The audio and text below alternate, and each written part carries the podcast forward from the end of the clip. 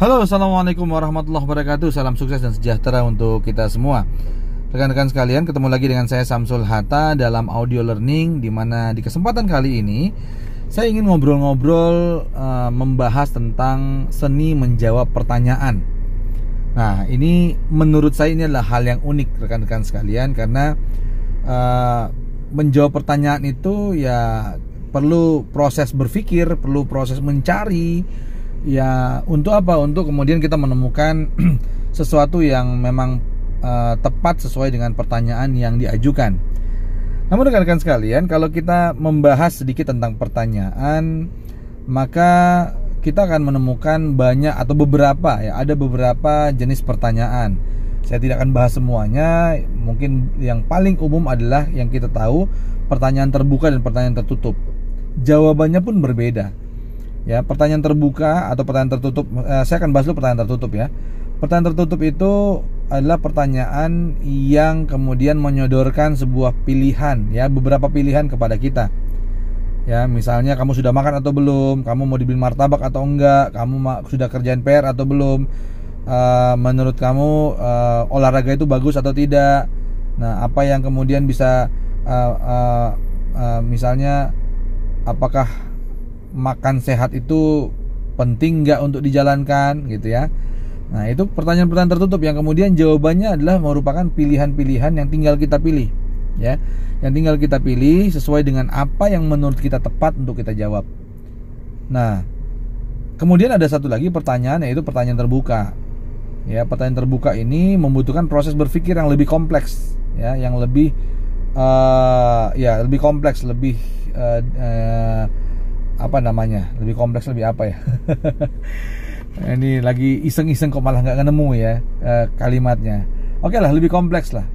Jadi uh, pertanyaan terbuka itu menstimulasi pikiran kita untuk melakukan sebuah proses berpikir mengingat membuat mengkonstruk ya membuat kemudian eh, hal-hal uh, tertentu ya dalam pikiran kita uh, membayangkan ketika sebuah hal terjadi apa dampaknya macam-macam gitu ya. Jadi proses berpikirnya lebih kompleks dibanding dengan pertanyaan tertutup yang kita sudah disodorkan terhadap pilihan-pilihan tinggal kita pilih. Nah rekan-rekan sekalian uh, contohnya ya contoh pertanyaan tertutup misalnya ditanyakan uh, oke apa yang anda lakukan setelah anda memahami tentang seni menjawab pertanyaan ini?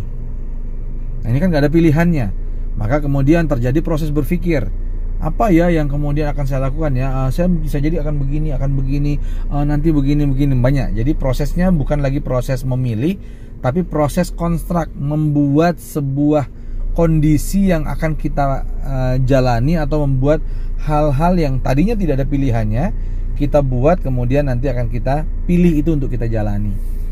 Jadi prosesnya lebih kompleks dibanding dengan pertanyaan tertutup. Oke okay rekan-rekan sekalian uh, setiap pertanyaan pasti membutuhkan jawaban gitu ya. Dan uh, intinya adalah sebuah rahasia ya bukan rahasia sebenarnya. Setiap pertanyaan pasti dijawab oleh diri kita. Nah gimana bisa gitu? Kalau misalnya saya nggak tahu gimana? Kalau misalnya saya nggak tahu jawabannya terus gimana dong? Kan nggak bisa jawab namanya Oke, kalaupun kita tidak tahu jawabannya, paling tidak kita menjawab dengan kata saya tidak tahu. Gitu. Itu pun sebuah jawaban. Tidak tahu adalah sebuah jawaban atas pertanyaan yang kita tidak menemukan jawabannya dalam pikiran kita. Gitu ya. Tinggal kita jawab dengan tidak tahu, itu pun sebuah jawaban. Nah, artinya apa? Setiap pertanyaan yang kita hadapi, yang kita terima, pastilah akan memunculkan proses berpikir yang kemudian bisa menghasilkan sebuah jawaban baik jawaban itu persis seperti apa yang ditanyakan, jawaban yang diinginkan oleh pertanyaan itu atau mungkin jawaban yang tidak tahu apa yang kemudian perlu untuk dijawab dari pertanyaan yang diajukan atau jawabannya tidak sesuai dengan pertanyaan yang diajukan. Ya. Tapi intinya adalah setiap pertanyaan pasti ada proses menjawabnya. Nah, berbeda dengan apakah jawaban itu kita utarakan atau tidak, atau kita keluarkan secara verbal atau tidak, itu berbeda lagi. Bisa jadi orang bertanya, kita tidak menjawab secara verbal, tapi dalam pikiran kita tetap saja jawaban itu diproses atau atau pertanyaan itu diproses dan dimunculkan jawabannya, apa pun jawaban itu. Gitu ya. Jadi menariknya adalah setiap pertanyaan pasti dijawab oleh diri kita hanya berbeda apakah dia dikeluarkan atau tidak lewat verbal kita, dijawab atau tidak lewat verbal kita itu adalah sesuatu yang berbeda lagi. Tapi kemudian itu uh, pertanyaan itu mem memunculkan sebuah proses berpikir dalam diri kita. Nah, kemudian seni menjawabnya. Kita pun ketika menjawab pertanyaan yang pasti adalah kita mengalami sebuah proses berpikir terlebih dahulu. Apalagi kalau pertanyaan-pertanyaan terbuka seperti yang saya uh, contohkan tadi ya yang kita bahas sebelumnya pertanyaan terbuka di mana pertanyaan itu lebih kompleks uh, proses berpikirnya sehingga uh, kita akan mengeksplorasi pemikiran kita membuat atau mengkonstruk atau membayangkan sesuatu yang mungkin belum pernah terjadi kemudian membuat pilihan-pilihan sendiri yang kemudian kita akan memilih pilihan-pilihan yang kita buat tersebut berbeda halnya dengan pilihan tertutup uh, sorry dengan pertanyaan tertutup yang sudah dimunculkan pilihannya. Sudah disediakan pilihannya tinggal kita pilih. Intinya tetap kita jawab ya intinya tetap kita jawab. Rekan-rekan sekalian kalau kita melihat lebih luas lagi tentang menjawab pertanyaan atau bahkan tentang pertanyaan itu sendiri ya maka kemudian kita menemukan bahwa setiap harinya setiap saat setiap waktu teman-teman sekalian Sejatinya kita dihadapkan pada pertanyaan demi pertanyaan dalam hidup kita. Bentuknya bisa jadi bukan pertanyaan verbal seperti sehari-hari kita bertanya atau kita ditanya oleh orang lain. Bisa jadi bentuk dari pertanyaan-pertanyaan dalam hidup kita itu berupa masalah-masalah yang dihadapkan kepada kita, berupa tantangan-tantangan yang hadir di depan kita, berupa kondisi-kondisi yang kemudian kita ingin keluar dari situ, berupa hal-hal yang banyak hal yang kemudian kita mencari pemecahannya, mencari jalan keluarnya, mencari atau ingin melewatinya dan lain-lain. Pertanyaan hidup tidak harus sama dengan pertanyaan verbal, tapi bentuknya bisa jadi bermacam-macam.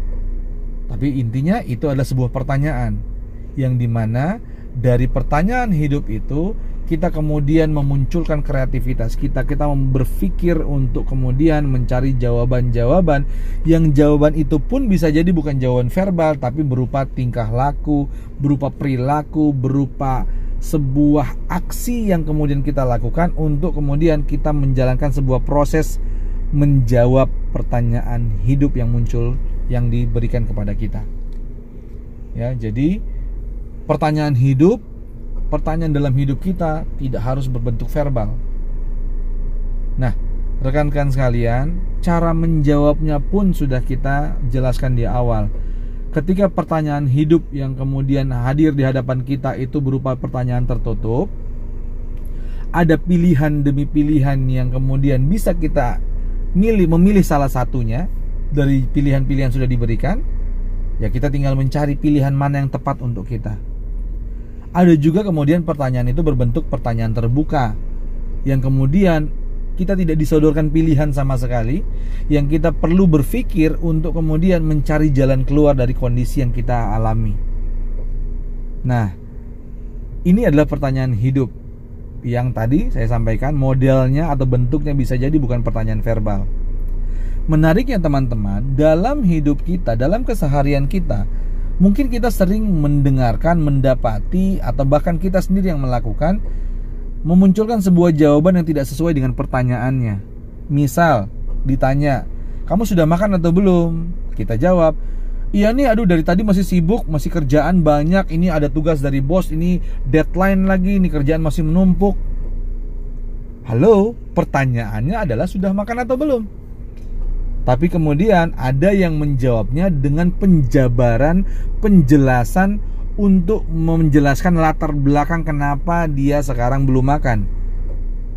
Dan dia lupa menjawab pertanyaan menjawab menjawab dengan jawaban inti dari pertanyaan adalah saya belum makan.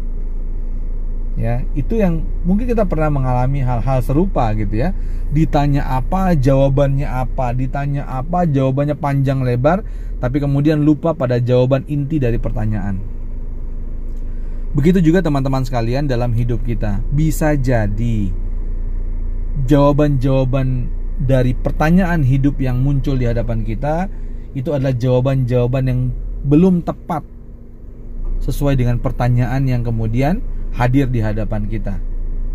Yuk kita lihat lagi dalam perjalanan kita apakah jawaban-jawaban yang kita munculkan, yang kita lakukan terhadap pertanyaan-pertanyaan hidup yang ada di depan kita, baik berupa permasalahan, baik berupa tantangan, baik berupa sebuah kondisi-kondisi tertentu, apakah kemudian sudah kita jawab sesuai dengan jawaban yang dibutuhkan dari pertanyaan itu atau belum? Ini menjadi sebuah perenungan bagi kita teman-teman sekalian dan kemudian kita sudah pelajari cara menjawabnya. Ketika pertanyaan tertutup, maka kita tinggal memilih pilihan-pilihan yang ada yang dihadapkan kepada kita. Tentunya dengan kemudian melihat lebih jelas dengan menganalisa lebih detail pilihan-pilihan tersebut agar kita bisa memilih dengan pilihan yang tepat. Atau mungkin pertanyaan terbuka, pertanyaan hidup yang berupa pertanyaan terbuka yang kemudian tidak dihadirkan jawaban sama sekali. Yang kemudian itu adalah sebuah membutuhkan sebuah proses berpikir untuk apa? Untuk kita mencari jalan keluar yang tepat, menciptakan pilihan-pilihan kita sendiri agar kita bisa menjawab pertanyaan hidup itu dengan jawaban yang tepat. Teman-teman sekalian, selamat mencari jawaban atas pertanyaan-pertanyaan hidup yang dihadirkan di hadapan Anda, di hadapan kita semua. Dan semoga kita bisa mendapatkan atau mencari jawaban yang tepat atas pertanyaan-pertanyaan hidup yang dihadapkan di hadapan kita. Dan setiap pertanyaan itu sejatinya melatih kita untuk bisa menjalankan sebuah proses perubahan pertumbuhan dalam diri kita, minimal proses berpikir dalam pikiran kita. Terima kasih atas perhatiannya. Senang sekali teman-teman bisa mendengarkan sharing saya dan harapannya ini bermanfaat untuk kita semua. Sampai ketemu lagi di sharing-sharing berikutnya. Assalamualaikum warahmatullahi wabarakatuh. Sukses penuh berkah untuk kita semua.